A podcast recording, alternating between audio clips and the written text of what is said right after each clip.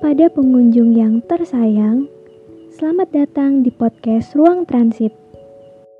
Para pengunjung dipersilahkan untuk rehat sejenak sambil mendengarkan cerita dari kami.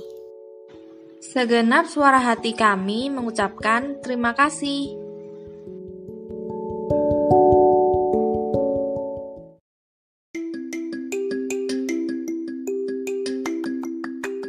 Aku mau cerita nih.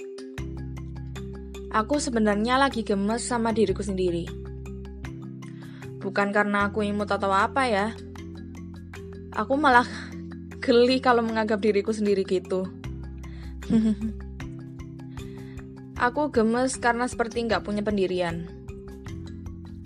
Aku bilang gitu karena hal yang aku mulai dan mau aku tekuni selalu tersingkirkan dengan hal yang baru lagi. Ada nggak dari kalian yang tiba-tiba kepikiran tentang suatu adegan cerita gara-gara ngedengerin lagu? Kalau ada, berarti kalian sama denganku. Nah, aku sering tuh lagi dengerin lagu, tiba-tiba isi kepalaku ngebuat cerita sendiri, sampai akhirnya aku termotivasi ingin membuat komik atau novel. Ya, pasti yang namanya termotivasi selalu semangat dalam melakukannya kan? Aku akhirnya buat tuh komik di platform hijau itu. Aku udah ngebuat 2 sampai 3 episode atau bahkan lebih. Tapi setelah itu aku mendengarkan lagu lagi. Tiba-tiba kepalaku ngebuat cerita sendiri lagi. Tapi cerita itu beda dari cerita yang sebelumnya. Seperti mendapat ide baru lagi. Dan akhirnya aku nggak melanjutkan komik yang tadi. Malah lebih memilih membuat cerita dengan ide baru yang tadi. Selalu begitu.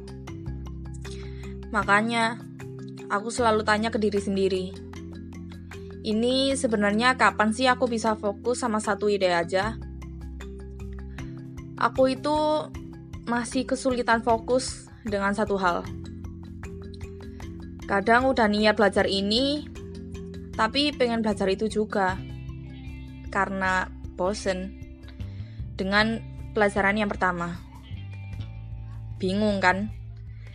Padahal kadang pelajaran yang pertama belum lama dipelajarinya Aku jadi ngerasa kayak anak kecil yang lagi penasaran dengan sesuatu yang baru. Anak kecil rata-rata pasti gitu kan. Sebenarnya aku pengen banget bisa fokus ke satu hal dan menyimpan ide-ideku yang lainnya untuk cerita selanjutnya.